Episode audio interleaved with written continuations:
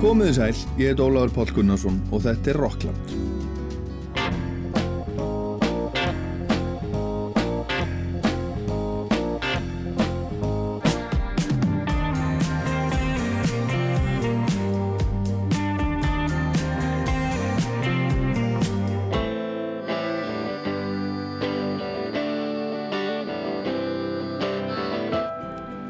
Bjartmar Guðlaugsson verður sjötur á morgun og að því tilefni þá heldur hann afmælistónleika núna næsta lögataskvöld 18. júni með hljómsveitinu sinni Bergeríssonu sem er mikið rockband eins og Bjartmar er enda sjálfur, hann er, hann er rockmaður Bjartmar fættist 13.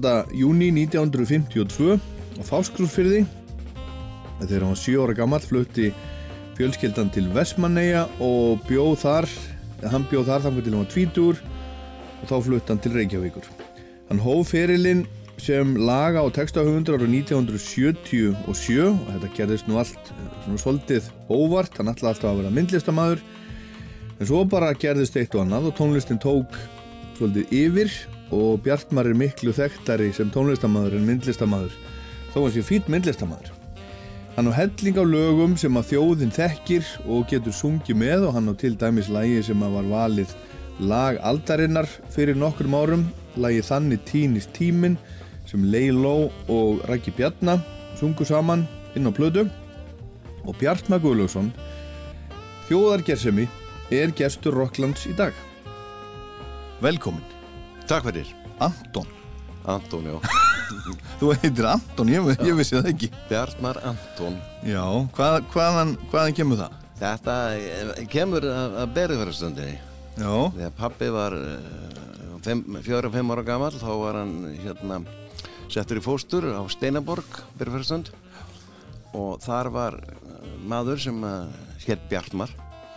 Móður hans hétt Antoníja og pappi var þarna frá fjóra-fimm ára aldri til frammiðu fermingu.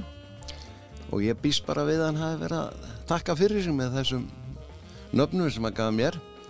Vegna þess að þetta var afburða gott fólk og, og hérna, þarna leið honum virkilega vel og það var ekkert sjálfgefið í fátaktinni 1919-20 sko. Já. 22 Já. Það fættist 1919 sko. Herðu, en Bjartmar Anton Guðlússon þú ert, þú ert sjötur á morgun hvorki minni minna. Jú, jú. Til hafmyggjum með það. Takk að þið verir Og hvað, hvað, svona hvað finnst þér um það? Ég menna þegar þú hugsaður hugsa, sko tilbaka þegar þú var strákur hugsaður um, um sjötu að kalla Ert þú, þú einn af þeim? Sko ég nöyð bara þess að hlusta á sjötu að kalla þegar ég var krakki. Ég, ég hafði svo gaman á orðum. Og hérna þegar að menn voru að tala saman sko, já fólk bara kallar og konur að þá hlustaði ég alveg mjög, mjög letið mér svona aðeins hverfa frá þannig að hætti taka eftir mér sko, og hlustaði og hlustaði. Já.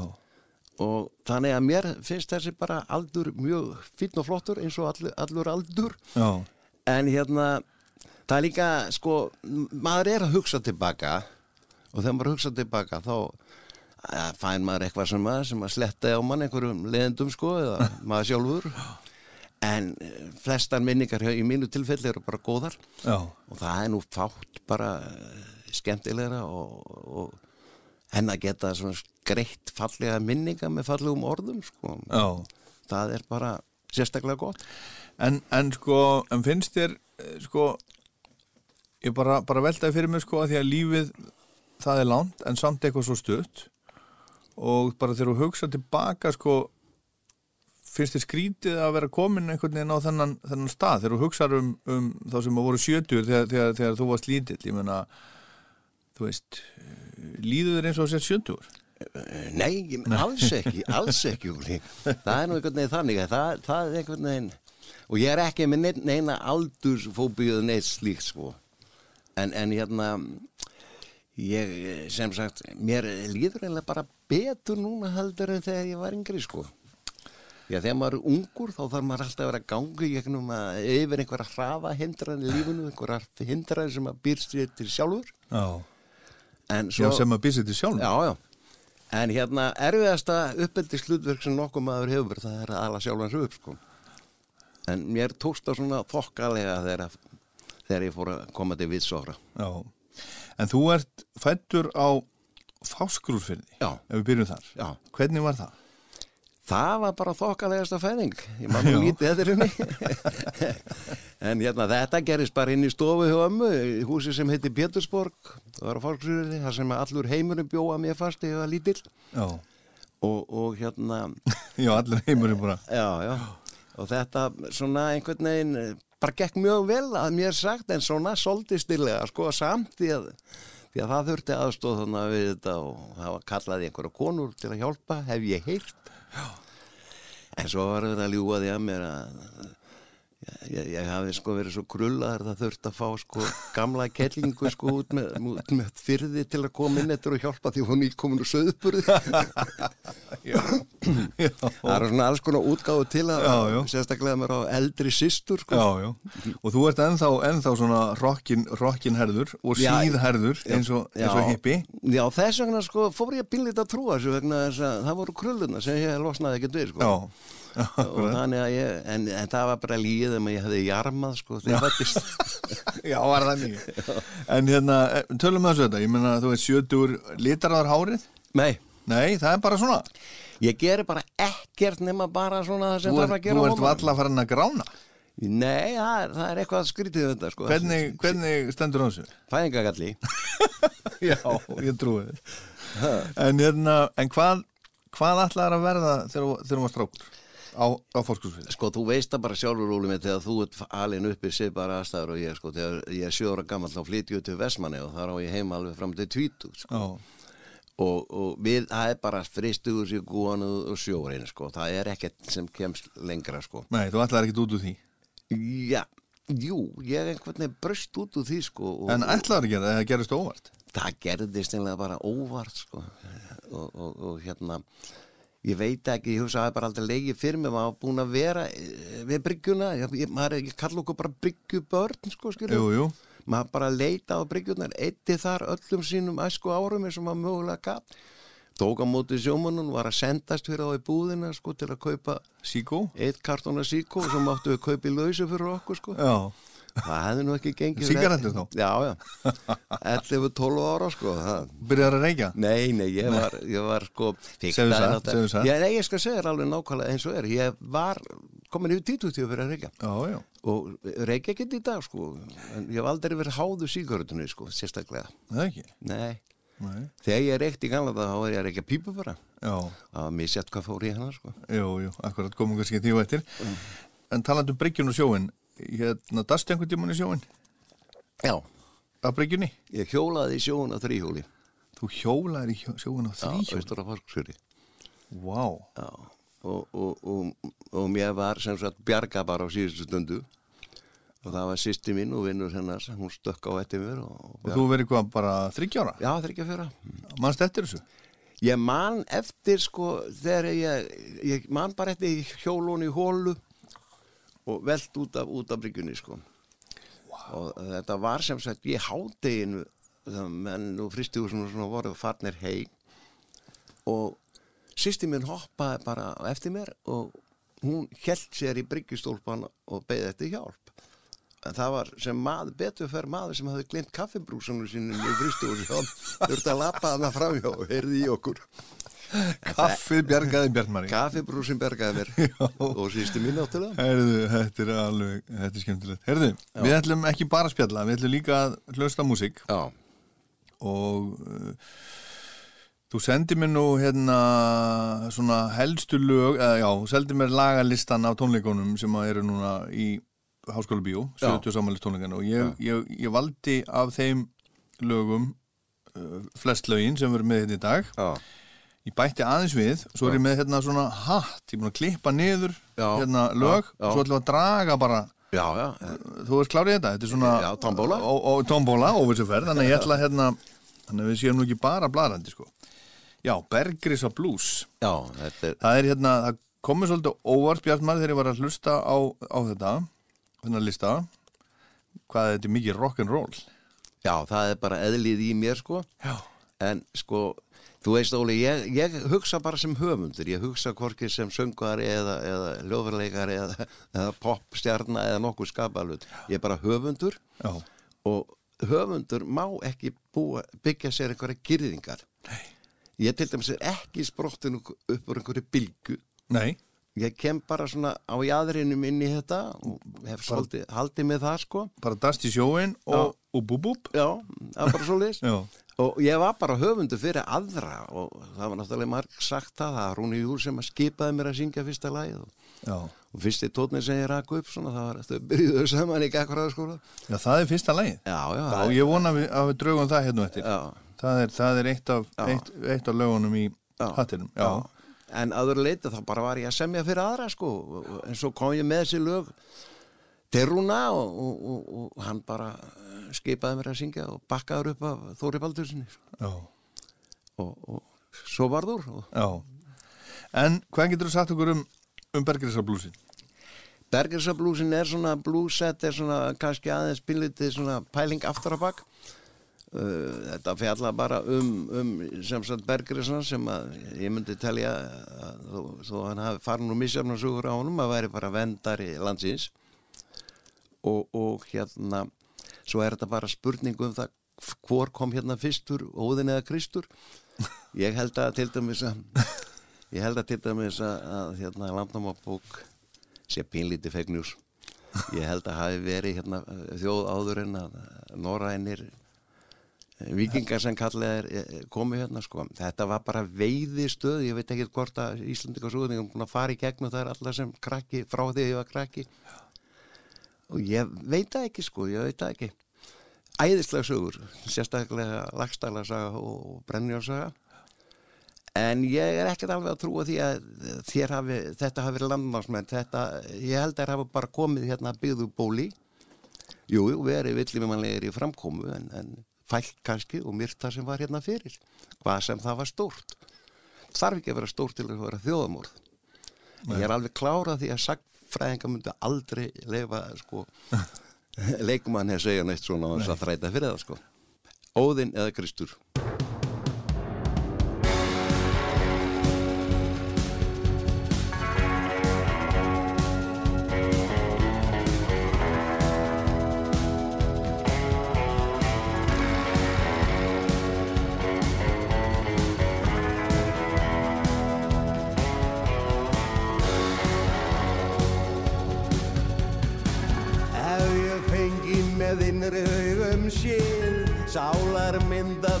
Sem einhver réð megin hær. Já það sánuð nótt sem dag Er svo mynd móröð grá og svört? Ekki hlý eins og sumarnóttin björn bæt og kulda blá Að þjóð sem enguna má Bæt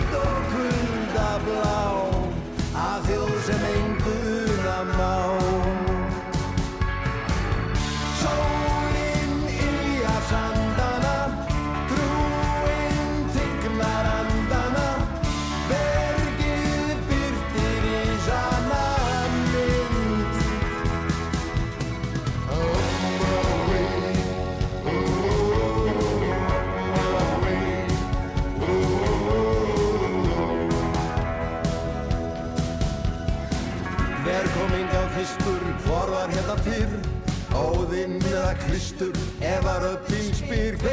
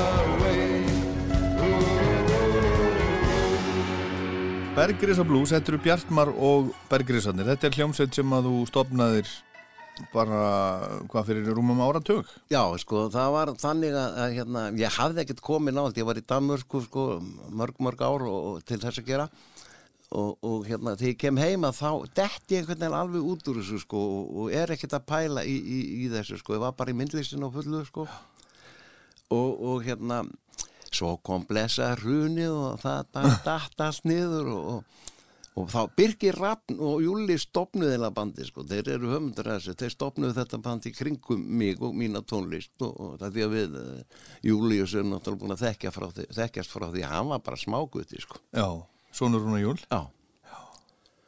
Og, og hérna, þeir stopnaði þetta og við gerum þetta svona því að ákom að taka upp 1, 2, 3 lög Já. en tókum upp lag sem heitir Í Gallan Allan og, og þar hérna sem sagt þar hérna uh, leifti þessu stað sko ítt úr Já, og og það var svona svolítið svona hrun, já, hrunið ítti þér Já. á stað. já, Segið þið svo að, að hérna, hvað, hvað segir Máltaki fátti svo með öll vílda í bóði gott? já, nákvæmlega. En, en hérna ég var ekkert að fagna þessu hruni ég, bara, ég bara hérna var orðin atvinnlaus Já, lend, lendur í líði svona, nei, ekki neitt. Það ekki? nei Ég, ég, náttúrulega bara eh, nei, nei, ég komst alveg sko, við, Marja, erum með þetta allt í svona minimal, sko. Já, Við erum ekki með neina yfirbygging á okkar lífi nema bara það, við erum heimilið okkar er bara vinnustofa nánast, við erum tónlist, myndlist, ljóðlist. Já. og hún tekur alveg bara fullkomið þátt í þessu. En er oft bara lítirinn í þessu sko, segja mér sko hvað, hvað henni finnst gott, hvað henni finnst vond og hún er stundum óþægilega reynskilin sko. Og, og þá bara móðgast ég.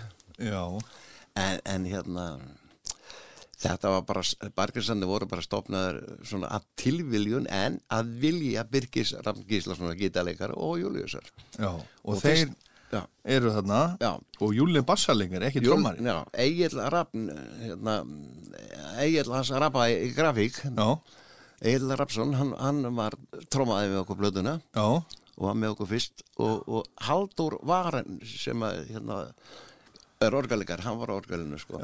Svo höfum við alltaf, kjarnin alltaf verið þrýr en þær hafa verið að dett inn Arnar Gísla og, og fleiri sko. Alltaf verið með góða trommara og, og hérna, heldur betur keyboardið er, er, er, er hérna, Hammondið er hann Daði Birgisson. Já, já, þetta er já.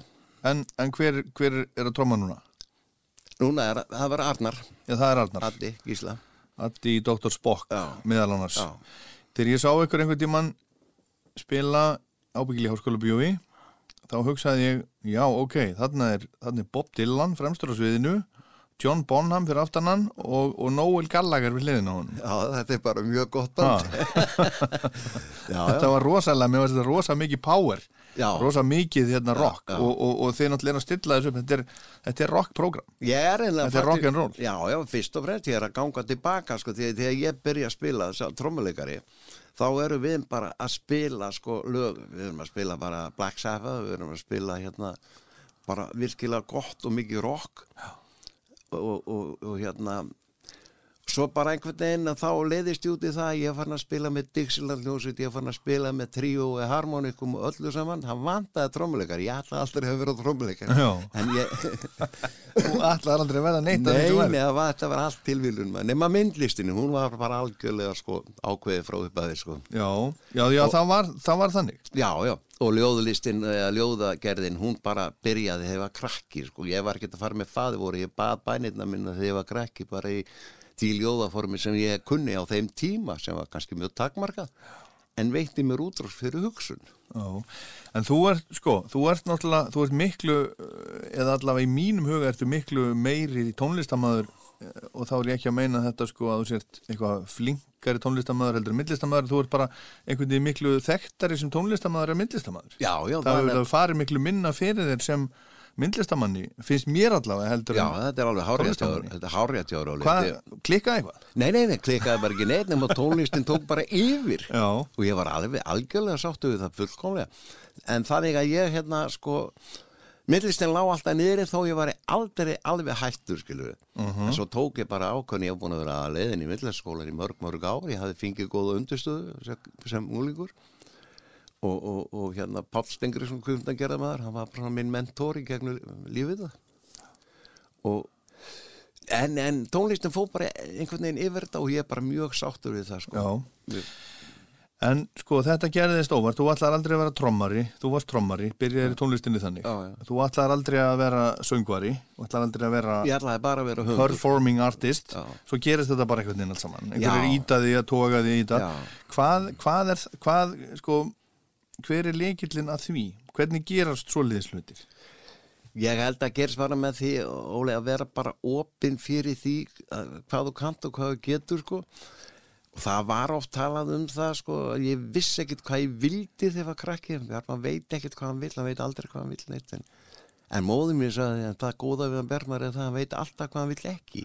Já, Og, og hérna, ég hef sem sagt bara haft það sem, sem að leiða ljósi. Að- hafna því sem ég vil ekki. Þetta er ágættis punktur, sko. Ef maður veit ekki alltaf hvað maður vill, þá er gott að vita hvað maður vill ekki. Já, já. Hvað vildir til dæmis ekki? Og svo... hvað viltu ekki? það er svo margt sko sem ég bara get ekkert fara að telja upp sko ég bara uh, gangvart músikinni, ég vil ekki selja lögminn í auglýsingar, það kemur ekki til að reyna Þú ert ábyggilega sá eini á Íslandi sem vil það ekki. Já, það kemur bara ekki til að reyna til dæmis, ég, ef fólkið ekki vænt um lögin þá fer ég ekki að særa það með auglýsingar dömubindi eða hvað sem það er. Nei. hugsaði til dæmis lagar svo þannig til stímin að það veri komin í einhverja auglýsingu eitthvað, eitthvað sem að kemur mér ekkert við. Ég vil ekki særa þá sem að eru velunarar mínir og, og vilja, vilja og þykja væntu lögi mín En, en sko einhver maður sagði einhver starf þurfa peningarnir að vera, þeir eru ekki þá mikið hjá þér eða hvað? Eh, sko þetta, við höfum alltaf haft það bara þokkalegt en ég hef aldrei náttúrulega eh, sko leift mér að fara að verða einhver peningahólviti sko en, en við komst vel af en, en, hérna, en það er ekkert sko ég, þegar ég kom til landsins hérna, mér dætti ekki til hugar að fara að kaupa hús sko Nei. ég hef ákvað bara að Hvað vera ár var það? það er, ég er alveg komin heim 98 sko Já, frá 91 já, og, og, og hérna við vorum að leiða ofskaplega vel úti sem var til þess að dóttir okkar hún fest ekki rætur hér á Íslandi og var með sína fjölskyldu úti og, já, já. og mikið tengsl við Danmörk já, móður, stó, stóra hluta móðurættarinn að þar sko. Já, er ekki komið að því að draga bara lag? við slum gera það Áður en við röflum okkur vitlega já, saman? já, já. Sjá. Já. Það eru hérna, það er, það er plata sem að mér þykir svo vandum. Sem mér þykir, ég einhvern veginn, ég, hún hitti mig einhvern veginn, ég hérna fíla hana. Hvað, hvað heitir hún það sem að er lagið ég man? já, það er Ekki er- bestur. ekki barnana Einmitt. það, það, er, það er Kristján Edelstein sem að Fellega flott plata. já, ég var mjög ánægð með hann sko. En það er eftir svona svolítið meira, það er ekki mikið rock'n'roll þar, það er svona uh, meira svona folkmusik. Já, ég verða að gera, ég verða að skipta þessu nú vegna þess að til dæmis sem að setur, sér með balluðu Já.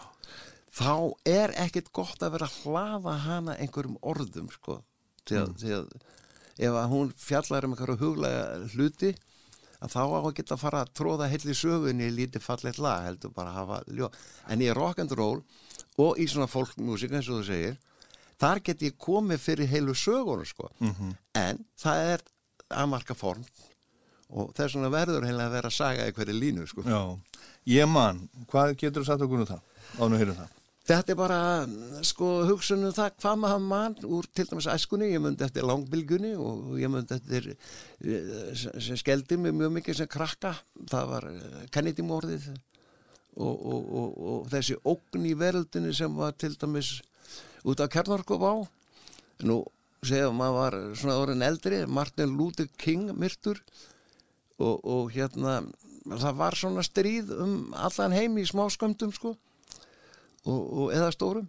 Og, og ég var bara hrættur krakki, ég var hrættur við stríði það gerði mér mjög mikla grein fyrir því hvað var að gerast. Hafði svona hafði aðtiklinn á því.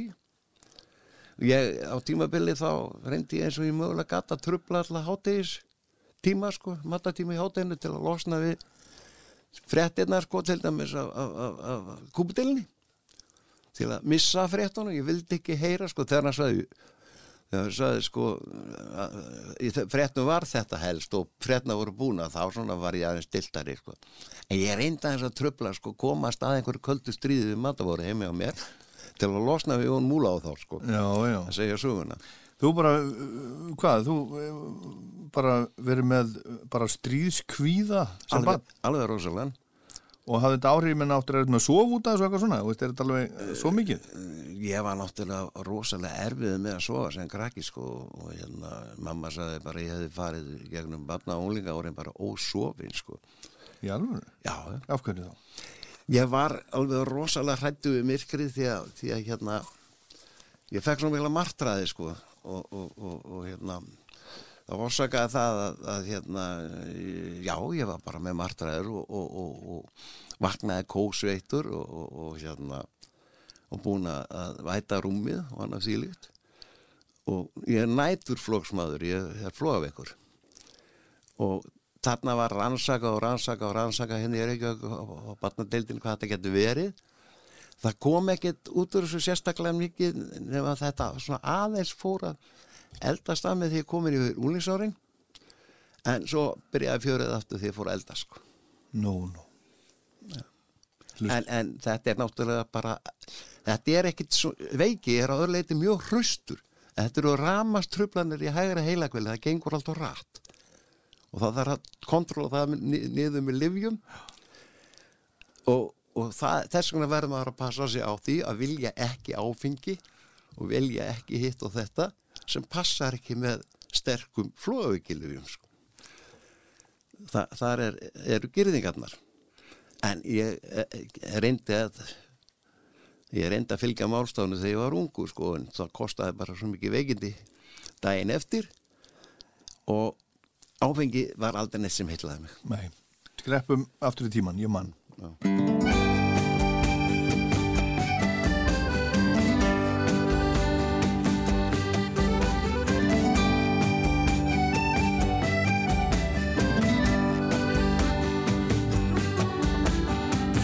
Ég man eftir langbylgjunni ljúan, ég veit lengra nefnitt nær. Kúbudeilan, Kennedy og Khrushchev eins og gerst hafi gær. Svína flóa, sála, sárin gróa og mör hægt. Þó að tilfellið í túninu hér heima hafi verið fremur vægt. Ég man eftir djakkolín og draktinni og Dallas ógnar skrekk. Limsku glóttar Lindon bér sem líkilinn að hvítu húsi fekk. Svína flóa, sálar, sárin gróa og bur hægt. Þó að tilfellið í túninu hér heima hafi verið fremur vægt. Ég maður samt vel og það lýsir ljóði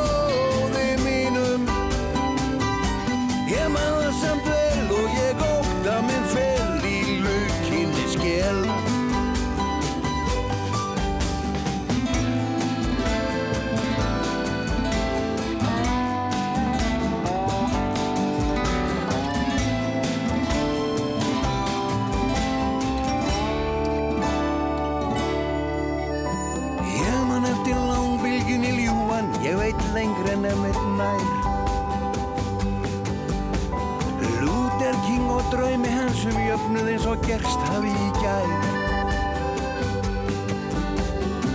Svína flóa, sála, sárin gróa mör hægt.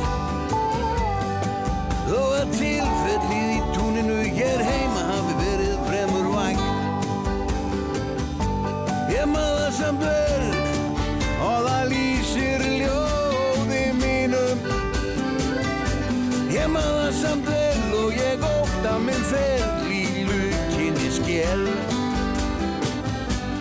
Ég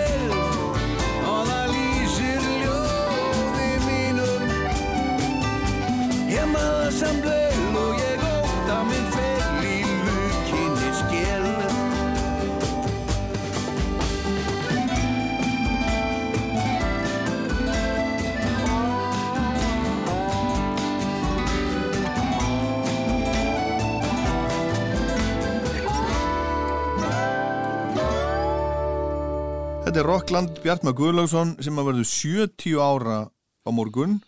Hann situr hérna hjá mér og við vorum að hlusta hérna á þetta lag sem að heitir Ég man að plötunni ekki barnana bestur. Hvað ár kom hún út þessi aftur? Ég held að það verið 2005 2005. Flott, flott plata. hún lendi ekki inn á markanum þannig að, að hérna, Hún er á Spotify. Já, hún er komin á Spotify sem er náttúrulega er, er hún var bara í bílskútnum sko, Já, og er frábær það. plata, Takk frábær fyrir plata, það. mjög flott og svona mjúk og, og hérna, þægileg og Já. flott, flotti textar, flott lög, flott, flottar útsetningar, margt, þetta mjög gott. En, tö, en aðeins um, um, um Spotify, sko, það eru, nú lifum við á þessum, þessum skrýtnu tímum, það sem að bara sala á tónlist í föstu formi bara hefur rapað, hún bara bara næstu því eins og sko í, í gamla daga þá voru til vesmiður sem að gengur mjög vel sem að, sem að voru að selja hérna ísklumpa Jú, jú, út um allan heim. Já, já, gekk bara alveg rosalega vel. Svo bara allir ding dong kom ískápurinn og þetta dó. Þetta er bara, þetta er bara eins. Það er, það er svona sala og tónlist á geisladiskum og hljónplötum svo kemur bara ný tækni já. og þá bara breytist heimurinn Við hefum bara að fylgja þessari tekni Já, eftir hrifin að þessu eða, eða, eða saknar gamla tímans? Nei, ég sakna þess ekki. Ég, ég hérna eh, svona þegar að segja Óli minn þá var ég aldrei verulegu músikpælari sko, ég var ekkert að kaupa blötur í, í, í tónatali sko. Mhm. en hérna ég sakna þess ekki og, og, og mér finnst bara þessi uh, fortíða þrá er bara óþarri tímatni breytast og þá hefur ekki að festa okkur einhverju sem var. Sándið í dag er mjög gott. Í bílum í litlum hátulurum þetta er bara miklu betra sándheldur en hefur nokkuð tíma verið. Og partítjónin á vinnilputunum sko, þau, þau eru ekki þannig til að rispa sko, Nei, nei. Já, og, og, og Spotify og YouTube hefur bara bjarga mínum katalóg að stórum hluta því að það voru þarna nokkra plötu sem ég gerði, venjulegu maður blá, bláa plafna sem kalluð er sem ég gerði í Svíþjóð þannig live upptaka. Ég var að vinna þar með, munum tónlistafólki og, og svo fleiri plötur, ekki barnanan bestur. Já. Þetta sem að seldist ekkert í bílformum og, Nei, og þú bara- áttu bara lagarinn undir, undir rúmi. Já, bara líka það já, sko, að þegar ég er, er ekki hjá útgefundu sko, eins og steinari og sífunni þá er ég að gera þetta sjálfur með góður að vinna hjálp en það var svo erfitt að fá dreifingu. Já, og það er kannski mjög eðlilegt að þeir sem eru með fyrirtækin bara hyggli í sínu dóti, ég skil það vel. En þetta lend, þessa plötu lendu nema eitt og heitt lag. Af sænsku plötunni eitt lag sem ég kom með á kart. Já, og það er Busy Crazy já, það var nú mikið spilað hérna. Já, af venjulegu manni kom eitt lag sem að kom á kart Stúdensson Já, og, og, og svona hef, er það því að karti, þegar það var kart kart er bara stór kasseta sem var notuð Já. hérna í ú, útarpinu já, já, einmitt. Og, og það bjargaði svona einu og einu lagi hjá okkur öllum að koma með þetta á kart. Já, já, en núna er þetta ekkit háður ég vil að vera að gera heila plötu. Nei. Þetta er bara sendt frá þér eitt og eitt lag. Svo það komum við nóga plötu þá gefur plötu í hvað formi sem það er. Já, en ég er fagna þessu já. nýja system En svo er það, en er það tekjumódil Ég menna, þú veist, margir höfðu náttúrulega tekjur af blöduútgáfu Já. Þó að það hafi nú bara verið Hvað, hvað ætlaði að verið? Ætli, ætli að verið sko 10% sem hafi fengið eitthvað út úr blödusölu hérna áður fyrr Já, við, ég, og hinn er borguð með sér bara Já, það er mest, svo dettur ein og ein rós inn svona þess að þú fylg með fullorðni hjá mér sem seldist í þúsundum eintaka, túðúsundum og, og Já, 30.000 eitthvað ekki ég veit ekki hvað hann endaði sko. Eða 20 og eitthvað? Já, já. Það, og sko, svona blöðum kom fyrst út, þá var hann eitthvað í tæp 17 og stendur fyrir jólin já. og svo náttúrulega bætir þetta við sig svona, þá náttúrulega er maður að, að fá, fá hérna greitt. Ég veit ekki hvernig þetta er með Spotify og YouTube, mér er bara fjáran sama vegna þess að fólk getur notið að ég hef gert. Þú ert bara sáttur við að, að fara og spila fyrir fólkið Já, og þegar á tónleikum núna þá er fólk að, að fólkum þrítut að kalla bara taktu þetta lag, taktu þetta lag, taktu þetta lag og þá er og að vita að þessi lögur til. Ertu síkildur? Ég veit ekki bara svona fellega langsetun og þreytandi. Já, en það er sko líka, það er líka þetta, menn sko, það eru sögumir að, að, uh, að sirkja þessa, þessa gamlu tíma og skiljanlega, þetta var náttúrulega bara hluti af tekjum tónlistafólksins, sjálfsögðu. blödu og seldur og fengu borgað fyrir það, Já, já. en, en svo kemur bara nýtækni og við bara ráðum ekkert við það. Og nú kannski sömur hugsa þetta bara þannig. Þeir taka upp lag, ok, þeir þurfa kannski að borga með því Já, en þeir fá kannski vinnu út á það já, já, skilur það er verið lag vinsælt og það þýðir að síminn ringir oftar sem að þýðir já, já.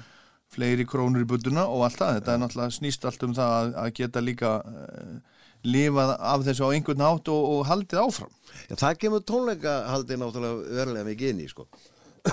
en hérna það sem ég segi í sambandi við þetta er það að, að hérna sko uh, þegar maður er í, í hjá þessu stóru útgáfi með var sem eru bara farnar að þá, þá hættar að þá var maður náttúrulega á samning og fekk það, það gekk náttúrulega misjaflega þar eins og annar staðar sko. en ég segi tónleikahaldi er það sem að, sem að við höfum tekjurnar að hvað mestu sko. og svo náttúrulega höfundar hafa sín höfundar þetta göld, Jú, jú. göld. Og þetta er skona í ágættum málum til dæmis hjá mér Þú ert alveg þó- þokkalega sáttur við bara allt saman, systemið og já, já, ég er mjög sáttur Segir bara takk fyrir mig. Já, já, ég fær ekkert að rífast út af einhverju vinnublöðum 40 ára aftur í tíma, það kem ekki til greina sko. Nei, nei. Ef að draga lag?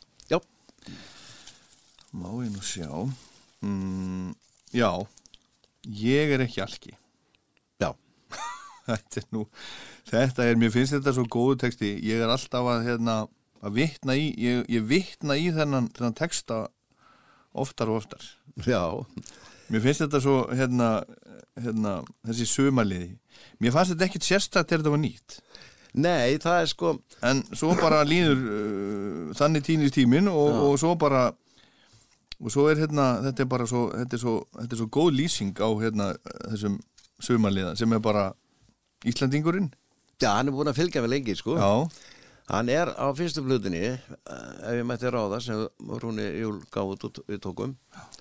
Þar er hann sko sumalega mótið, þar er hann reynilega kynntur sko. Já, og, og, og, og svo í, í næst, næsta lagi á sumu plötu þar er hann orðið fullur. Mhm, þriðju plötunni er hann skilin mhm.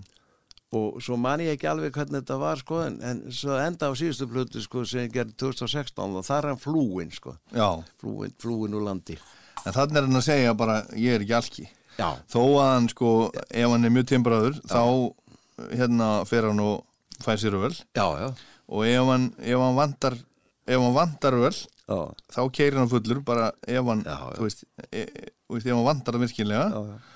Og hann, og hann lemur, ekki, lemur ekki konur og hræðir ekki börn en ef það ráðist á hann þá Já. svarar hann fyrir sig Já, já, hann er alveg, alveg bara, er mjög, mjög hérna ákveðin í það að hann sé alltaf, alltaf öllu sko. Já, og hann er alltaf réttu megin í tilvörin hann Já, er aldrei rángstæður Nei, nei, aldrei rángstæður og hefur aldrei rángt fyrir sér Nei. og hérna, en er samt bara partípláa og moralsmorðingi af bestu gerð. hann er svona leiðinda leiðinda gaur Já, ég er svolítið veikur fyrir svona heiðum ég get svarað. löstum á þetta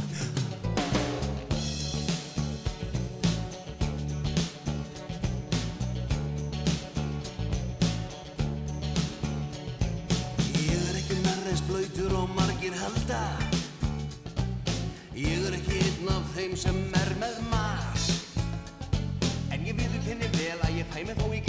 Ég viðurkenni jú að það kostar stundum þras. Ég er ekki algi fyrir fimm öðra Ég er ekki einn af þeim sem sopna fullur. Ég er ekki einn af þeim sem vakna skél En ég viðurkenni vel að ef að þingar langar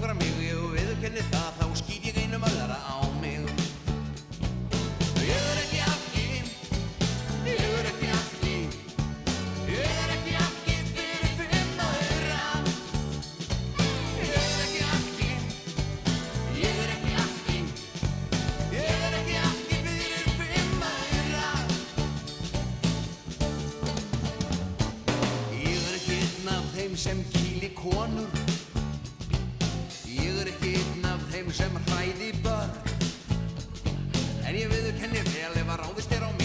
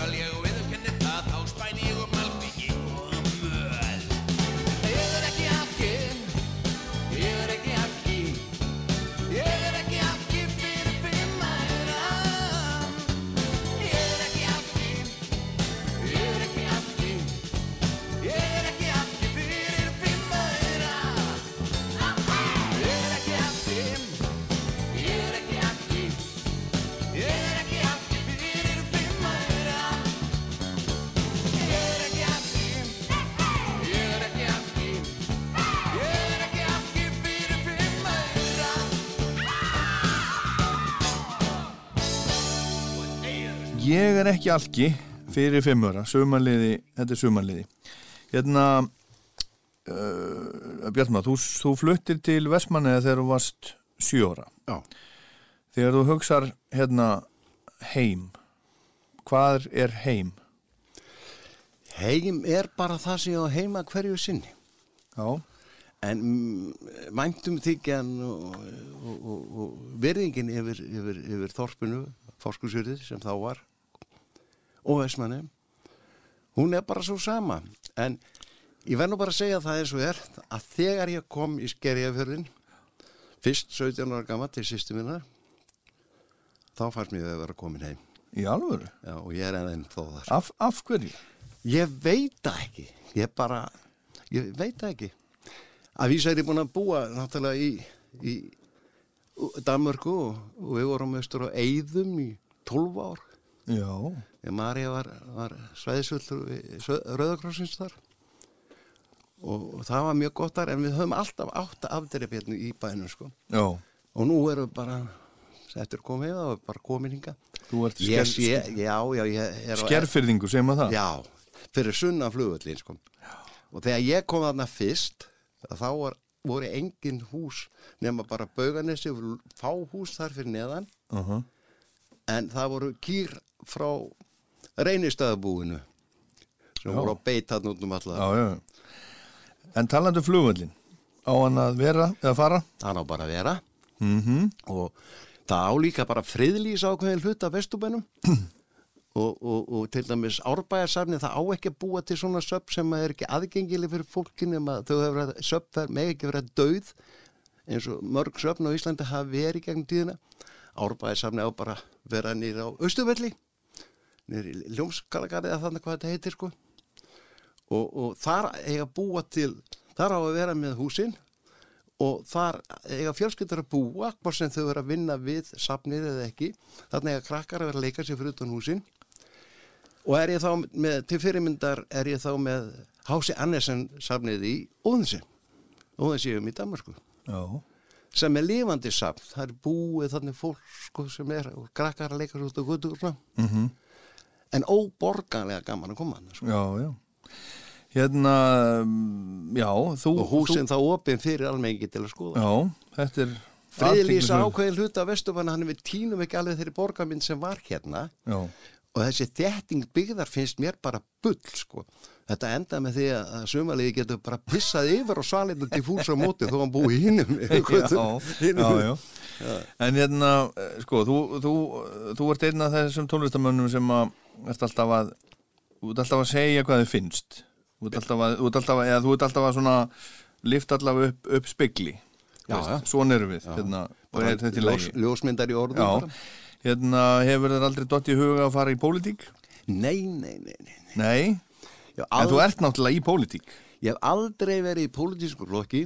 Nei, yfirleitt þetta ég hef aldrei bara kosið það sama heldur. Ég tek svona ákvörðun á, á síðust stundu en þú kýst alltaf? Ég kýs alltaf sko og, og ég er, hef aldrei verið neitt svona því að ef ég var í pólitísku flokki þá er ég alltaf að vinna fyrir þann pólitíska flokk í hugssjóninni sko þú veist að það er þetta sett svo leiðis upp sko.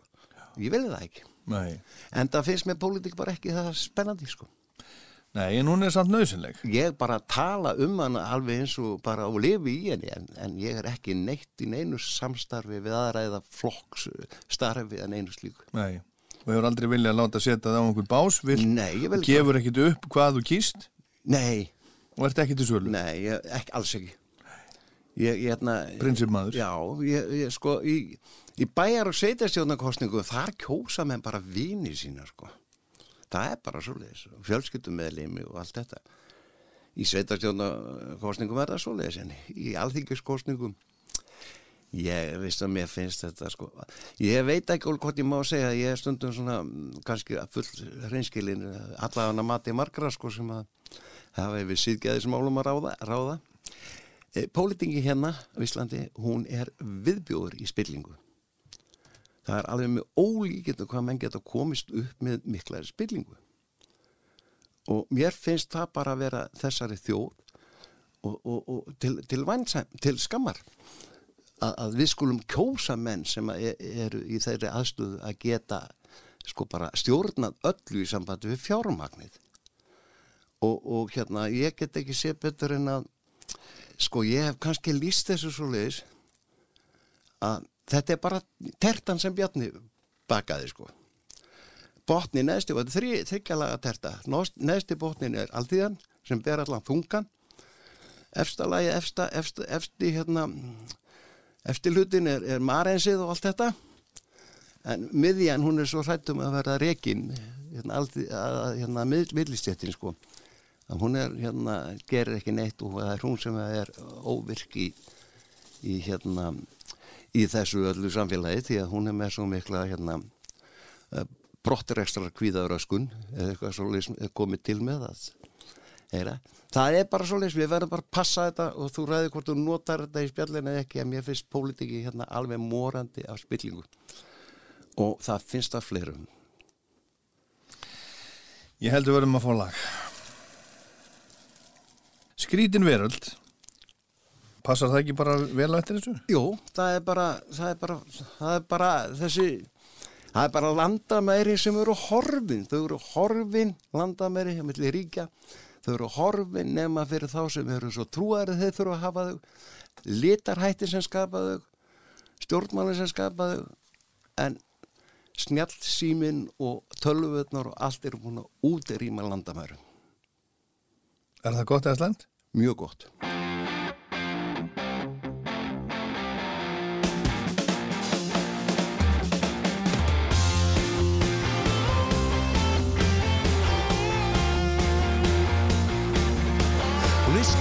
þessi veröld, skröldir áfram tíminn.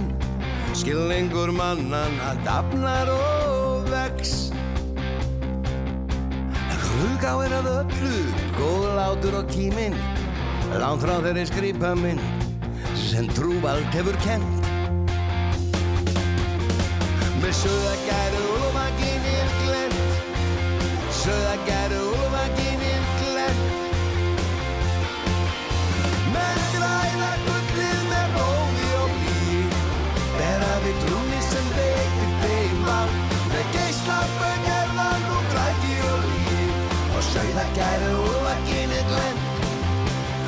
Söðagæru og vaginir glent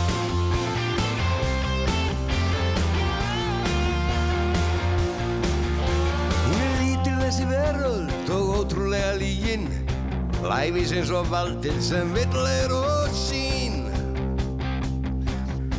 Kyrndasjúkir gúrúar benda upp í skíin Úr gulli skreittum musterum með skilabóðin sín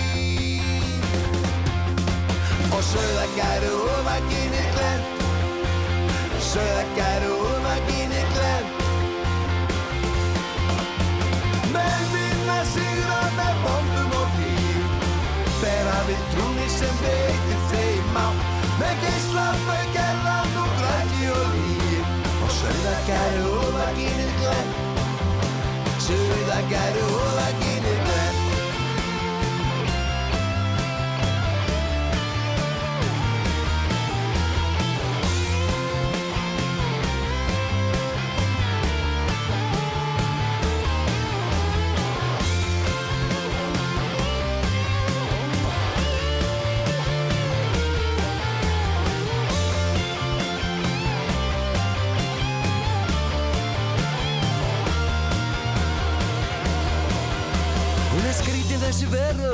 skröldir áfram tíminn, skilningur mannan að dafnar og vex.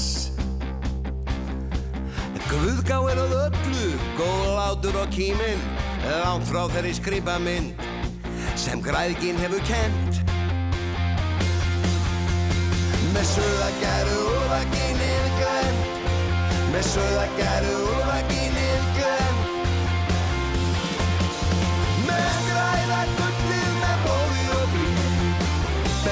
Trúni sem veitir þeim vald Með geislapau gerðan og græti og líf Og sögðagæru og vaginni glenn.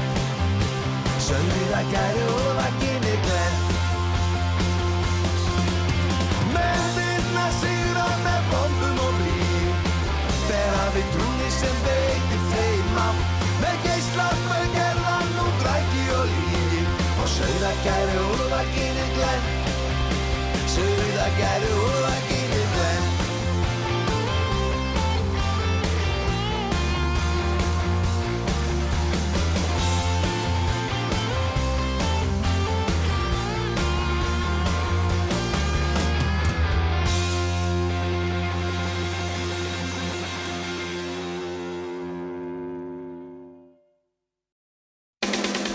Hi, this is Patty Smith on Ross 2. I'm in Iceland. I want to say hello to everyone and remind everyone that people have the power. People have the power. People have the power. Og sauðakæri úrvakinni glenn Sauðakæri úrvakinni glenn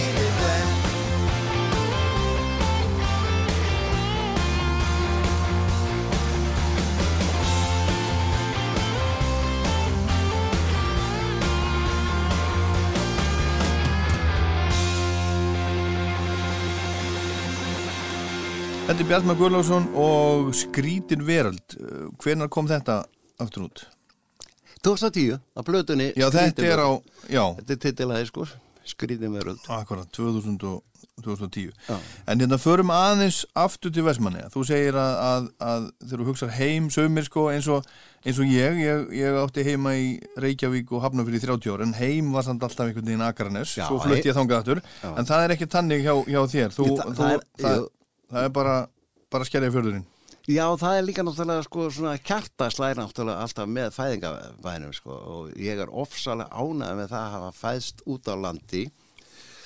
Mér finnst til dæmis uh, gott að hafa kynst í að heyra snarkið í, í sólóeldavél, kólaeldavél og mér finnst líka gott að hafa séð uh, fölvabláar, fjólubláar frostrósir á einföldu gleri Já, og, og það er einhverja fegustu rósi sem ég hef séð. Aha. og ylurinn sem kom frá kólaeldavelinni sko. ég, ég hérna náði þessu. Og mér finnst þetta fallegt að hægt að búa til fallega minningar í kringu svona. Já, já. En hérna, sko, þú varst að ég eigum til, til Tvítus. Og þú, þú hérna, svona, e, þú varst þarna frá sjóraldri til, til Tvítus, þannig að eigarnar hljóta að hafa, hafa mótað þig. Já, mikil Og þjóðháttíð, þú ferð alltaf á þjóðháttíð til dæmis? Nei, ég hef ekki gert það sko, ekki alltaf, ég held bara þegar ég er að spila. Já, En, en sko, eigarnar eiga bara stóran hlut náttúrulega, í, í, þarna kem ég náttúrulega sjö ára gammal og, og svona, en kynni strax svona strákum sem að eru vini mínir og stelpun sem hafi verið vini mínir alla tíð, þau sem eru hérna ennþá og, og hérna eigarnar auðvitað hafði það bara, þar var sjómennskan og þar var þetta allt saman og þar var Við náðum til dæmis í Vestmannum, við náðum eh, Radio Caroline og, og Luxemburg betur heldur en í ríkisúttöpun. já, já, ok. Þannig að stóns, stónsarni kom eða fyrst frá eigum, þessi kóverstónsarra sko, Já, sem voru loga, logarnir, já, já. afburða hérna, söngvara sko. Flott stónsband og lukkið og allt. Lúkið og allt á hreinu. Og er, og, og er það svona, svona uh, þínar æsku hetjur? Ég sko, já, það eru þeir Hermanns bræðu náttúrulega sko, Helgi og, og, og, og, og hérna, og Ingi sko, Hermann Ingi. Mhm. og, og svo náttúrulega bróðir þeirra, ég held að spili bara öll fjölskyldan sko, þetta voru bara eins og þeir áttu heima þarna í miðbænum í eigum þegar þeir komið þangað, þetta er Reykjavík strókar sko Já, og pappi er að var simstöðarskjóri þarna skilt mér í eigum sko og þetta voru bara byggisbræður Já. í, í sjáablás og Íslandi já, já. ferlega góðir sko Já, já. Og, og, og, og um, sko, hvernig vildi það svo til að þú, þú, þú byrjaðir í hljómsveit? Og byrjaðir á þessu, þessu músikstandi? Já, það var bara sko að því ég gætt teiknað sko í skólanum, það er eina fæði sem ég nefnda sinna að þá hérna heldur ég geti sungið líka og það kom hérna til mig vinnum minn sem að sem að uh, bað mig um að syngja í, í hérna unlingarhljóðsveit og ég pröfaði það og, og það hendaði mér ekki að, að sko, ég fann það mjög, mjög fljóðlega að það hendaði mér ekki að fara að syngja kóverlög sko, þú veist, eða eitthvað svoleiðis þannig að í næstu hljóðsveit var ég án trómari sko. Mm. og það var rockljónsveit, almennilega rockljónsveit sem hér döðareysing Já, og, og þar voru afburða spilara sko, Valdimar Gíslason, gítarleikari Ditti bassalegari Hafþór heitin, hann dóungur slísfóðurinn 23 ára. Hann var Jimmy, Jim Morrison já, Doors. Já, já, og þeir voru þarna sko Mhm. og pælarnir sko. Já. En svo, svo hérna, uh, svo ferða að spila á, spila á gítar já, og búa til lög. já Trommari sem að spila á gítar. Já. Þú kannt nú ekkit mörg gripið það. Jó, ég get alveg stöðlust í gegnum þetta sko, en, en, hérna, en það þarf ekki svo mörg grip í rock and roll, sko, Nei, nei. það er svona meira, meira balli og ég er ekkert ósað mikið fyrir að flækja hlutinu, ekki ljóðið lögum, sko. Mark Knopfler frá Newcastle, hann, segir, hann sem er frábær gítarleikari, hann segir, hann segir sjálfur að hann spila gítari eins og, og pípulagningamæður. Já, Ég er nú ekki alveg samanlega því, en, en, en sko spilað þú á gítar kannski eins og, eins og trommari? Já, ég held nefnilega að það hafi búið til svona undirstöðuna í það að verða höfundur, sko. Mm. Það var bara, ég var að spila austur á kólsveitin með Helga Hermans í tríói, harmoníku tríói, sko. og hérna, fór, ég var hann alveg dátið tíma, sko, og, og var að spila með honum og, um alla sveitir. En hérna, ég fer að fyllt í gítarnum hann, sko, og tók bara E og, og B. Og hvað gæti ég gert við þetta sko? Ég gæti alveg nota það sko. Og það kom bara þá háseta vandar á bát. Og það var bara við tókum það bara beint inn í þessu hljósitt og það var sungið allstað sko. Já, já, það er fyrsta lægið já, Hver, hver söng það inn á það plötu? Guðmundur Rúna Lúðíksson minn, hann söng það fyrst sko og svo tók Rækki Bjarnaða inn á sjómanaflutunum sína sko. Já, já. Ef ekki heyra það, það núna, Já. ef ég það þessu. já Eh, Hvort viltu ragga eða, Ég held sko að rakka útgáðan sé, ég veit ekki hvort að hinn er bara hreinlega til hérna sko, en, en, en hérna rakka útgáðan er bara mjög, mjög flott sko. heyrum hana, hann, hann tengist til líka Já, já. og, og Guðmundur Rúnar reyn- reyndar líka. Já, Guðmundur er vinnu minn og, og, og hérna, myndlistamæður og, og, og tónlistamæður. Skagamæður. Já, skagamæður, flottur skagamæður. Ofsalega duglur. Hásetta vantar á línu og með Hásetta vantar á bát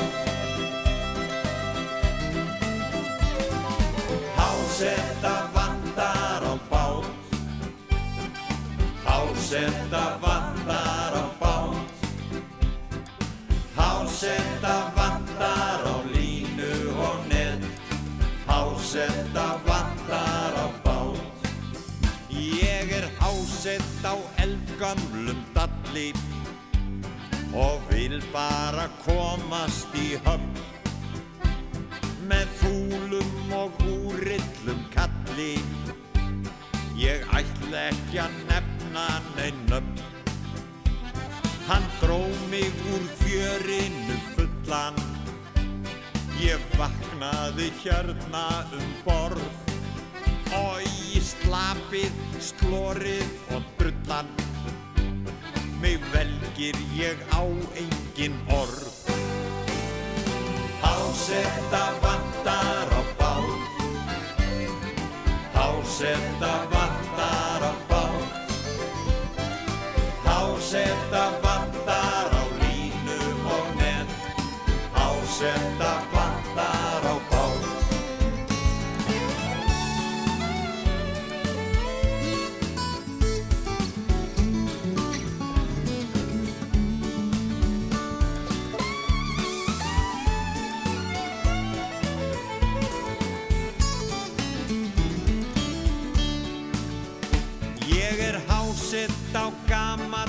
fleitu og göstlast í vorspúð og bleitu.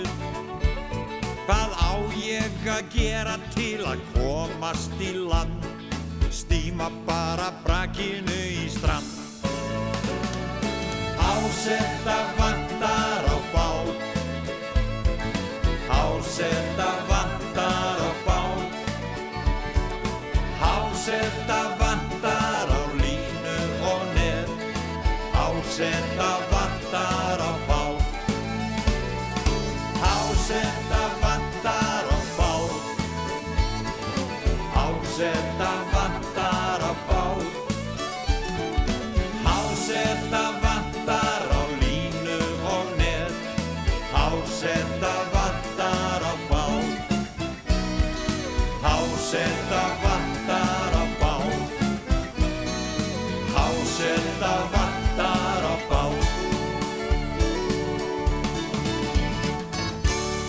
Raki Bjarna, Hásetta vandrabát, þetta samti Bjartmar, hvað varstu gamall hana?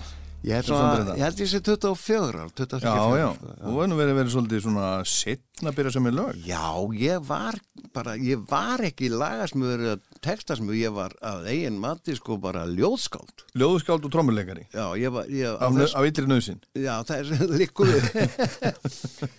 nei, nei, ég er nú bara að djóka, ég er nú ekkert að tala minn sérstaklega niður, en, hérna, ég hef nú aldrei verið mjög sjálfsælinn, sko. Nei. Nema það að hérna, þegar að sko, það var alveg fjarrri mér úli minn að fara að semja texta fyrir lög- við lög. Á svona, þegar ég er á þessum tíma, þetta er í enda hipa tíma bilsins, sko, sennilega, þá er ég komin á það aldur að vera hippi sko eða skáld og ég gekk þá í smókingjakka frá sem ég hefði kift á flóamarkaði kattafinnafélagsins og, Auðvitað. Og, og, og gallabuxum svona svipuðum tættum að neðan og er ekki dag og svo boots. Og þetta hefur nú svolítið verið klæðnaðarvinni gegnum tíðina sko, ég geng ekki í jakkafutum Nei. og hérna, ég var þannig skáld að mér fannst hérna asnalegt að vera að semja texta við lög sko. Einhvern tíma er lendu við Siggebjól og, og, og hérna spjallum þetta sko, hann sagði þetta vera bara bulli með maður, ég hef komin í stúdíu með honum og fleirum sko, bara skömmu síðar. Mm. þá leit ég svoleiðis á þetta að ljóði væri svo hástend og maður þurfti að vera opsalega gáða til að búa til svona ættjarða ljóð og, og þú gætir ekki farið að láta það sko leit svo ég sá að ef ég fer að setja þetta ljóð við laga þá, þá hérna er þetta orðið eh, danslaga eh, Já. texti Já, það gengur ekki. Dægalega texti, það gengur ekki Það er ekki nú fínt. Svo ef þjóðin eh, læri lagið þá er þetta orðið slagari Já, en svo bara kynnt ég þessu eins og hver annar vill þessu sko já, já. Og verið svona uh, svolítið komplexeraður. Já, svona komplexeraður kultúkúkur sko Já. Erðu, en þú semur hérna þetta, þetta fyrsta lag. Já. Og hvað, hvað gerir svo?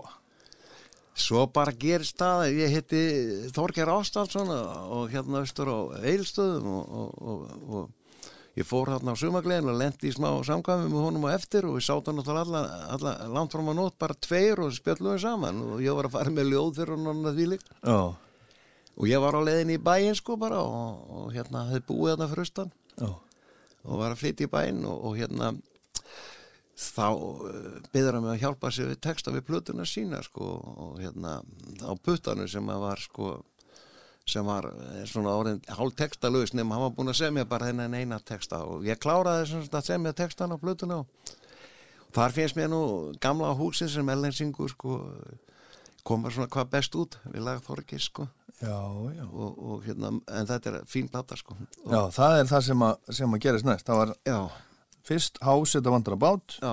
svo gerist þetta. Heyru það eins. En, en textins úrmjölku hátteginu, hann er bara ekki samvið neitt, hann er ekki samvið neitt lag á sín tíma. Já. Það var leikhópur austur á, eh, austur á Kórselli Já, sem að vantaði e einmitt eitthvað svona og ég samtið þetta sem sagt og þetta var notað í leikrið í textin sko. já, já, súrmjölki hátíð. Já, svo bara hleðst eitthvað lag um þetta sem er, er hérna, Sem að þú, þú, já Bjóst til, eða ekki? Ég veit ekki hvort maður býtist tökja hljóma lag sem allir raunlega, þetta minnir mér svona lag þegar pappaði voru að lagi vélarnar eitthvað svona, það var dui, dui, dui. já, og það er ábyggilega mjög ómúsikalsk þjóð sem á ekki þessa línur í fórun sínum. já, þannig að, þannig að þú samtir þann texta og þetta er bara svona eitthvað lag sem, bara eitthvað... sem allir eiga saman, Já, svolítið. Já, já. En Guðmundur Rúnar, hann gaf það út fyrstu þegar. Já, en það var sko mantað á textan þar og annað því og hann gerði það svona með varjaspíti sko, hann, það var svona Anders Underrödd sem kom Já, sko. já, En svo þegar komið fullur texta á það, þá tóku við Eiriku Fjallar þetta sko. já, Og, og, og það er á plötunni, það er puðaverð strákur held ég. já. Sko. Við skulum heyra fyrst smá Ellen, Já. gamla húsið, Já. að plötunars Torgis Ástvaldssonar sem kom út hvað 1982 Tvö. Já. og svo Súrmjölk með, með Bjartmari og, og Eika Fjallar sem er alveg að fara að meika það. Alveg.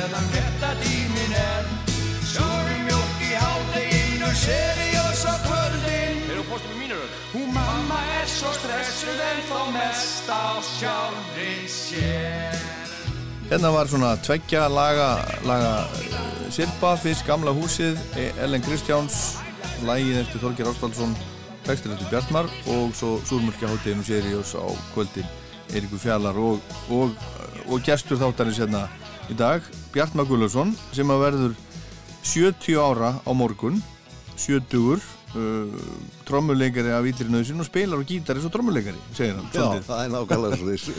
Herðu, svo er hérna, svo, svo, sko, svo kemur 15 ára föstu.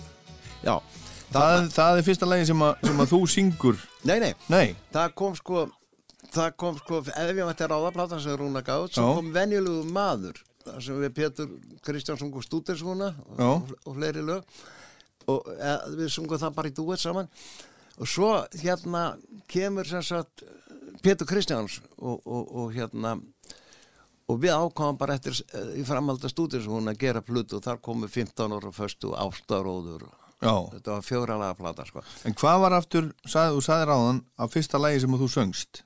Kótiletugallin sko. Já, það var kódreitur sem er hippin, heitir hippin. Já, það er einmitt, það var það, ég var að ruggla því saman Fyrirgjöðu, það er hérna, við, við ætlum, að, ætlum að heyra það líka. Það er nefnilega fyrsta lagi sem ég man eftir að hafa heitt með þér. Já, það er fyrsta lagi sem, sem ég sem sagt, uh, söng inn á plötu. Já, og það sem skemmtilegast var bara einhverjum vikum setna, bara ekki lungu setna þá förum við bara skagan að spila þar. Ég fór að spila með Geimsteini var að sem gestur bandarnarsrúna og þegar við komum på hótelherbyggja þá heyrðum við þetta annarkot, eh, þú keftið nú erum við hótelherbyggja út af götunni sko. Já, já, það, og ég bara sagði, hvað er að þessu fólki þetta er þér að kenna sagði Rúni. En, en sko, ég man nefnilega, ég á, á minningu, ég var stattur í, í húsi heima hjá vinnufélaga pappa, bara þegar ég er, þegar ég er strókur heyri þetta lag, þau eru, þau eru að spila þetta lag. Það var eitthvað, eitthvað partí. Og ég man mér fannst þetta ekki vera nýtt lag. Mér fannst ég hafa heyrt þetta mörg eða þú veist, þetta var einhvern veginn mér fannst þetta vera bara eitthvað sem hafa alltaf verið til. Já, já, þetta lag, það bara kom einhvern veginn. Já, já, þetta var alltaf verið til, já, já. það er hippin. Já, þetta er, er sem sagt hugssjónafallið hjá hippanar sko. Já, en þú nærði einhvern veginn svo vel að, að sko mála með orðum myndir, eins og þú segir. Þú veist, þetta verður svo, svo skýrt. Sumi textar er einhvern veginn þannig að maður hlustar á þá í mörg, mörg ár og, og finnur út úr þeim alls konar hluti og, og eitthvað, en þetta er bara svo þetta er svo skýrt. Já, þú ég- færð alveg myndin af þessum gaur Já, já, já. þessu fólki upp í hugan, þú hlustar á þetta einu já, og svo aðbörður og svona ýmislega sem sem að fest, sko, ljóð á sér alltaf, sko, ekki alltaf, en ljóð á sér stundum langan, sagt, meðgöngutíma. Það verður svona einhver getnaður, og að gerist hjá mér, ofta ég var krakki, þá sá ég eitthvað svona sem að mér fannst merkilegt. Og svo bara fór það að fæða svona í gegnum svo kannski að maður var 16, 17, 18 ára þá var komið full mynd á þetta sko þessa hugmynd sem maður sá sko. Eða upplýði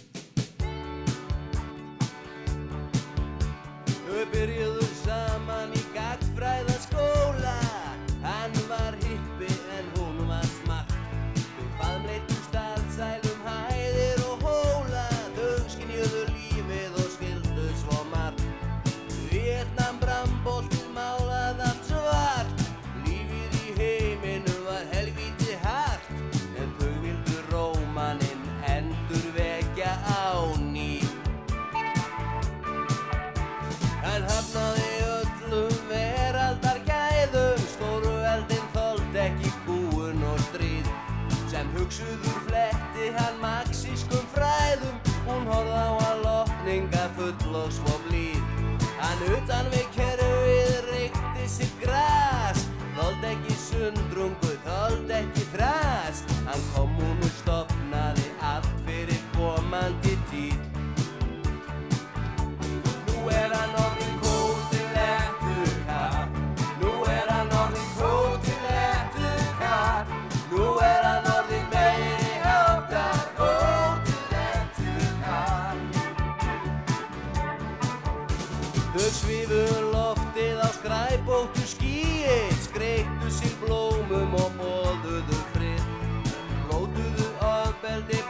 byssum og blíi Og gá öllu lífi á jörðinni grið Svo skildi það verða um ókomin ár Ást fyrir alla og óskorið hár.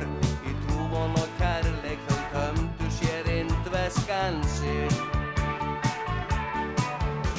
Nú dettur hann í það tvisvar á ári Dreymandi starir þá glasbotnin rugglar hann sínu vel snirta hári.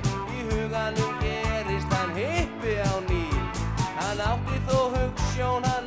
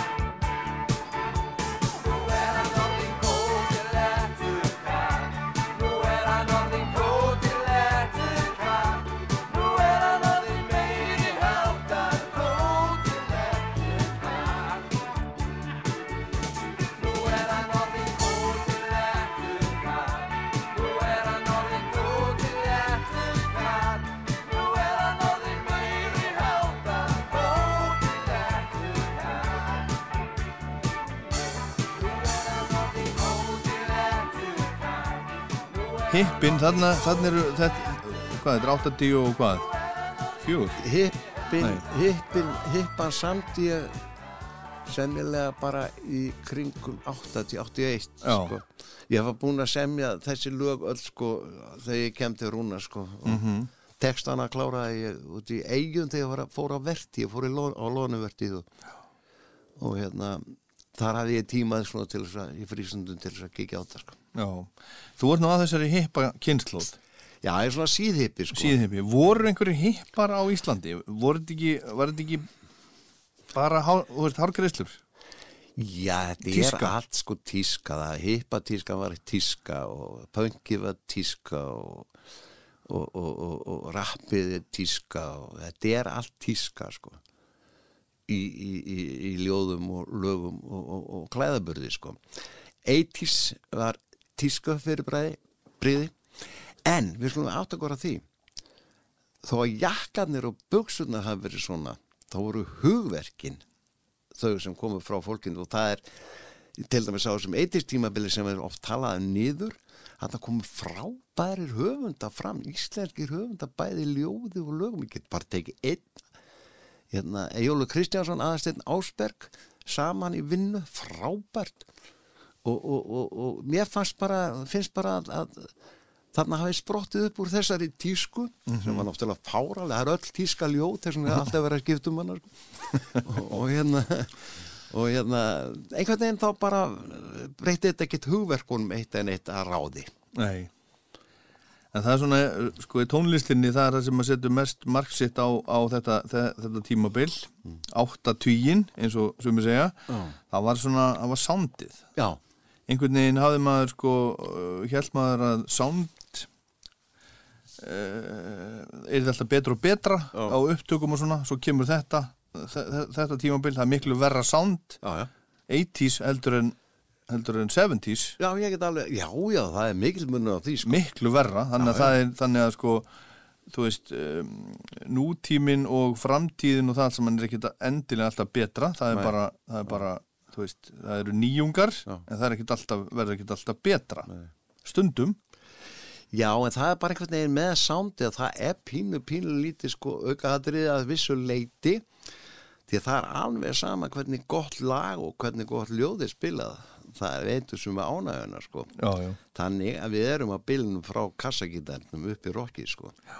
Sándið er svona eitthvað sem að, sem að hérna ég veit ekki, mér finnst alltaf slá í gegn allt þú hafi vont sánd og þú Já, já. hafi gott sánd það er meira gaman að hlusta á almennið sánd sko. Já. mér finnst það að vera til staða núna. Mm já, og akkurat þetta, þetta sem þú hefur verið að gera undanfarið, það er mikið, mikið rock þar og, og sándar vel. En mér langar að fara hérna næst bara strax í, í, í annar lag sem er svona líkið lag í, í þínu ferli, 15 ára og föstu. Já. Ég var að hlusta á það í gær og hérna er, er ekkit erfitt núna í dag að, að, syngja um ungar stúlkur sem að missa frá sér meidóminn í grænni laut? Nei, er ekki heldur eðlegt að ung stúlka, lítir stúlka eða hvað hún heitir, missa frá sér meðdóminn í, í laug, í laut, einhver starf upp í vegna þess að hún verður ófrísk. Og ég held að þessi texti passaði bara einmitt við daginn í dag, hún er 15 ára fyrstu, 16 ára í sambúð eins og bækurnar er þetta 17 ára, og 18 ára og 19 ára og hún er lamin, hún er barinn, hún gengur í gegnum það að vera með svarthól í sálinni allt lífið. Og ég geti vel trúið að þetta er framhanslaga þessu lagi eða þá væri það bara þegar þú sefur. Já, því að, því að, því að hérna, þetta var fyrst og fremst bara þessi textu var ekki hætlaður til þess að gera grína eitt eða neitt heldur bara því að, að hvað bara konur þurfa ofta að gangi í gegnum í samband við bara barsmíðar inn á sínu eigin heimili. Og mér finnst það ekki mikil kallamennska þó að sé líka sætt og með tattu um alla raskatinu líka að það sé eitthvað eh, þeir sé eitthvað betur undir þau búnir að fara að lemja konur sína, klesu og börnin og niðurlega fjölskyldur sína þú ert að syngja um það í rauninni. Já, já, raun og veru sko. en, en þetta þótti samt svolítið svona uh, ha ha ha svolítið svona fyndið.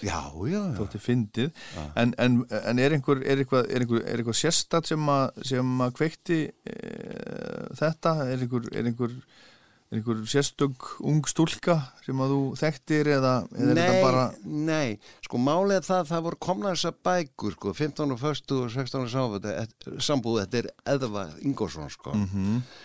og mér fannst þetta sko svolítið svona, ok, þetta var allt í fína fyrir unglingar sko en romantíkin getur bara verið svo sjúk sko, hún getur farið í allar áttir og, og þegar hún var búin að vera 16 ári í sambúð, hvað gerðist þá? Og svo náttúrulega lendir umkvæð stúlkan í þessu vesinni. Já, já. vorið síndenni bleikar skíamyndir og það var allt búið falleg sko En þetta var bara, ég meina þetta er bara rétt upp úr 80, ég man að ég las þetta, Já. þetta þótti bara, bara í lægi, bara 15 ára og föstu, 16 ára í sambúð, ég meina Já. bara eðlert, bara, bara í fristihúsinu. Já, já, og, og búin að gera fókalt fyrir tvítug sko Já, það er nú álið sko Æja. hlustum á þetta. Vorið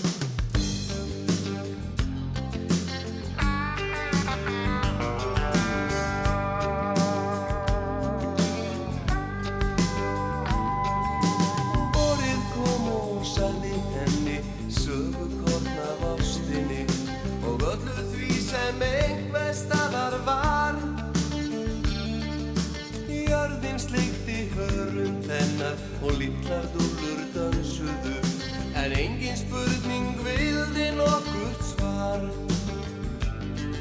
Í útilegu upp í sveit mist hún frá sér meidóminn og saklaus barnið sveif á lífsins braut. Þar skaparinn í hviði hennar veitti lítið ljós en lítið auga feldi tár í græna laut.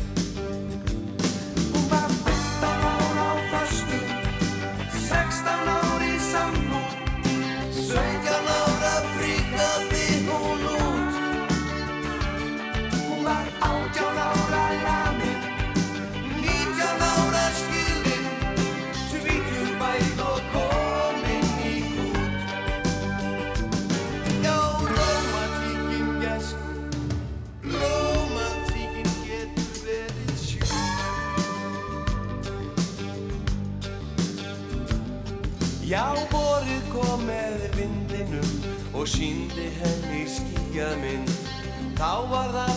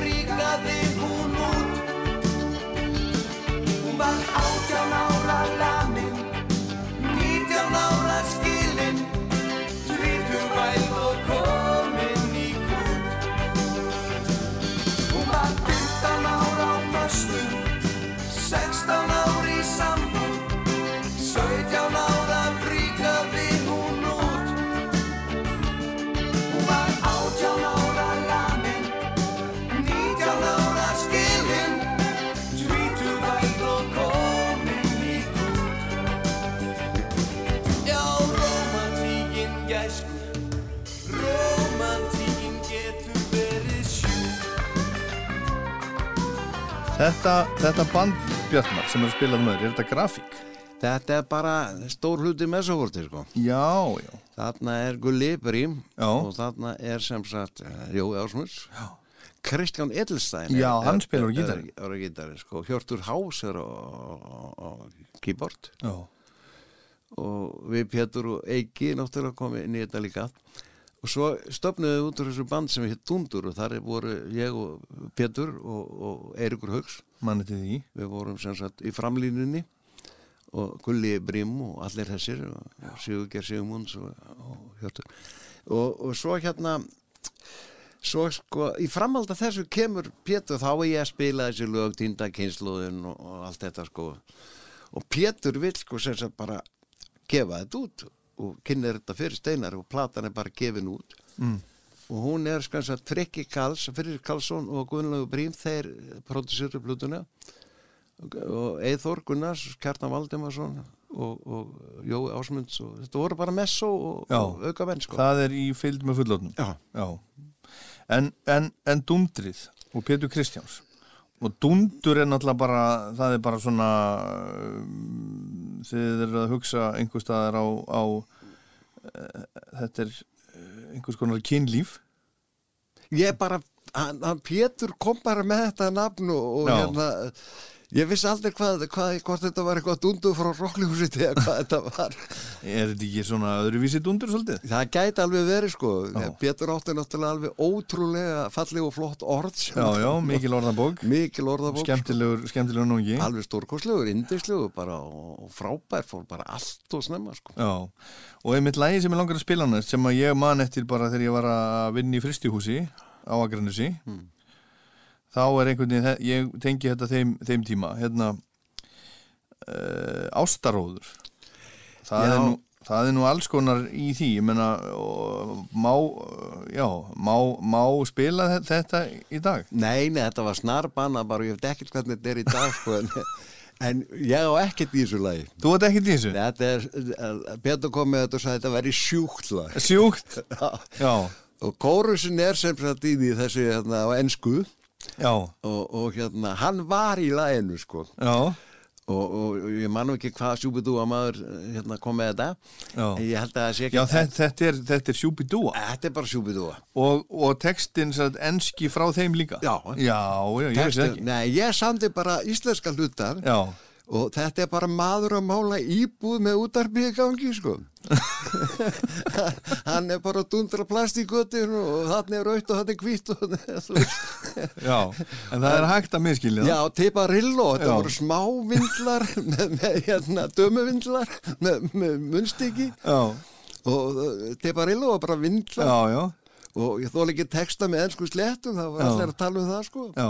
Mál, mál, Málvendi var það mikil sko Þannig að þetta var nú saklus en við skildum aldrei neitt við hvað útlenska þetta var sem Danir söng hann við letum það bara flaka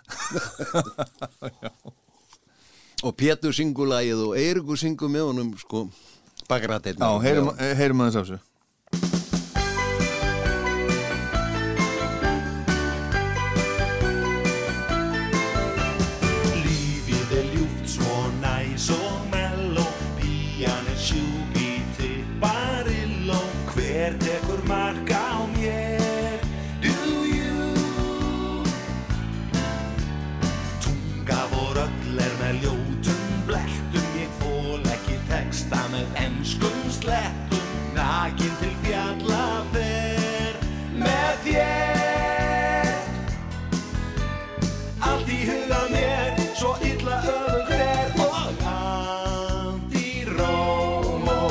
Því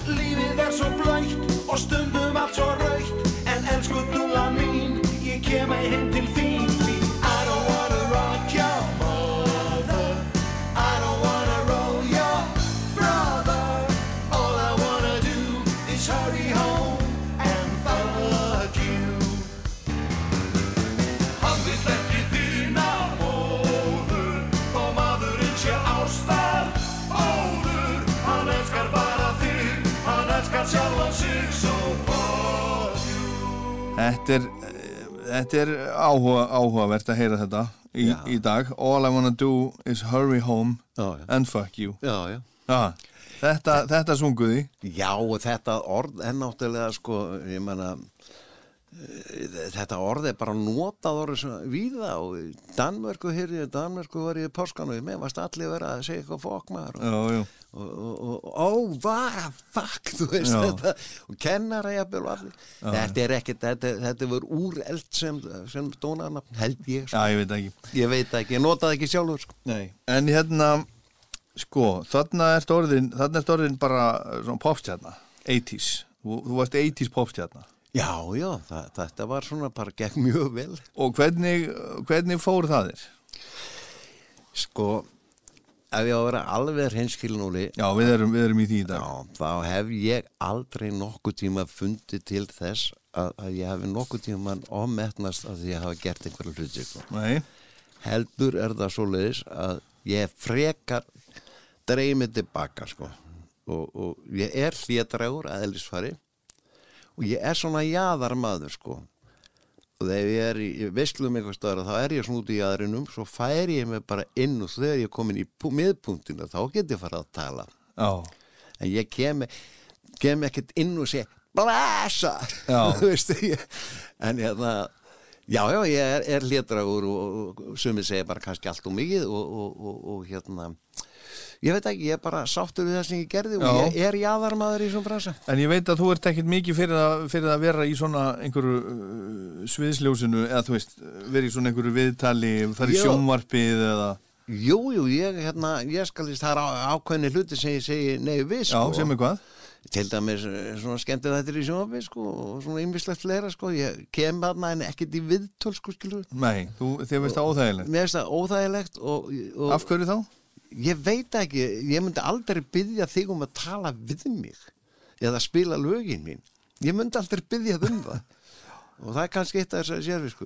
En þegar þú byggðum um að tala við þig, þá kem ég bara alveg hlaupandi, sko. Já, takk að þið fyrir það, Björn. Og- og- og- Það er mjög gaman að spjalla við þig. Já, takk fyrir svo með leiðis.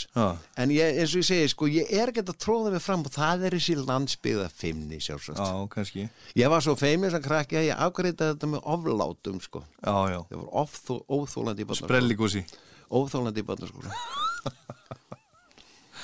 Óþórlandi frá Vestmanniðum. En hérna, sko, uh, það er svo margt sem að með langar, langar að ræða við, en tíminn er bara, hann, hann flýgur og allt það. Hérna, uh, við vorum aðeins að, aðeins að tala um, sko, að þú hafur aldrei verið, verið tóbaksfíkill á hann en, og bara reykt pípu og sett alls, kon, all, alls konar í pípuna. Já.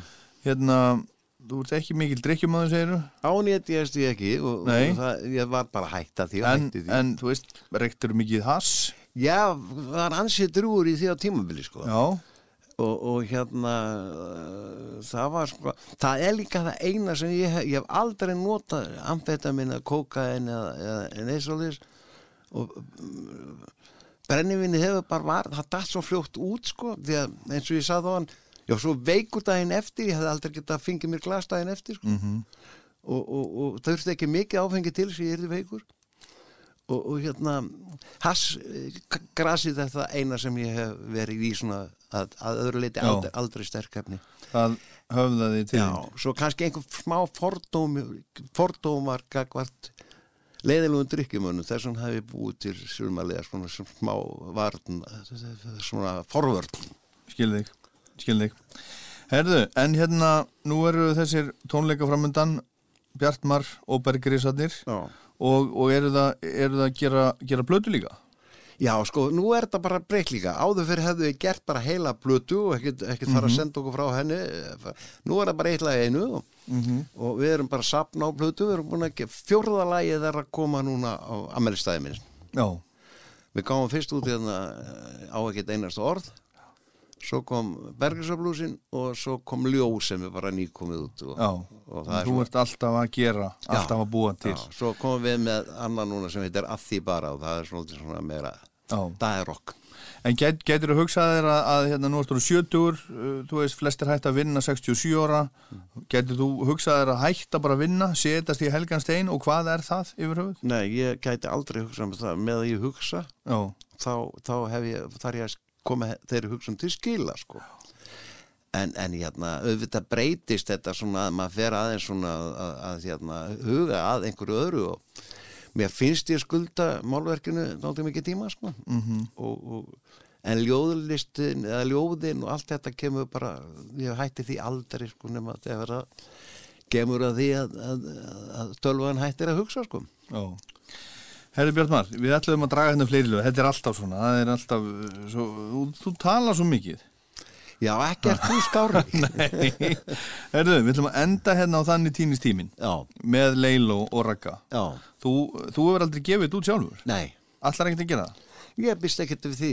Er það ekki? Nei, það, það er búið að tala um það sko ég, ég hérna skal ég segja þér myndi gera þetta sko, en það er allt í lagi ég, ég synga þetta lag á tónleikum og öðru slíku sko og, og þetta, jú, jú, ég geri það en ég er ekki vissum ég myndi taka það upp sko, það, myndi, það er ekki heldur og neitt á móti sko. Nei, akkurat. En, en þetta var bara lag sem að þú áttir til og ákvæmst að láta Ragga hafa það. Já, það var til sko lagi sko, ég var, ég var austur og auðum og ég var bara að spila eitthvað inn í herbergi með teipið í gangi sko, kassutuna eins og sér og þá kemur Marja sem náttúrulega músikkona hún kemur hlaupandi inn og segir ekki taka yfir þetta, ekki taka yfir þetta, gemdu þetta. Og það var lagið. Ljóðið einhvern veginn bara rann sko, það var einlega, ég var að skrifa bók bókina mína sem heitir þannig tínistímin og ljóðið var þar og lagið bara lá inn í, inn í þessu sko. Og svo náttúrulega kom Guð inn í þetta og bað mig um að gera þetta fyrir Ragga Bjarna og, og Raggi Bjarna er náttúrulega svo rödd sem hefur fyllt mér alla tíð frá því að lítið strákur að hlusta útarp fyrir hustan og mér var það bara heiður og Guðs gjöf að ég skildi fá að búa til þetta lag og þetta ljóð fyrir hann og tala hann um Leilo Mhm. og svo þess að frábæra útsendingu Jóns Ólarssonar snillings Kekjað. Bjartmar Guðlaugsson, takk hérlega fyrir að koma og vera hérna með mér og til hamingju með, með ammælið og bara þú lengi lifir Takk fyrir Óli minn gleðilegt sumar. Já, sömulegis og gleðilegt sumar allir landsmenn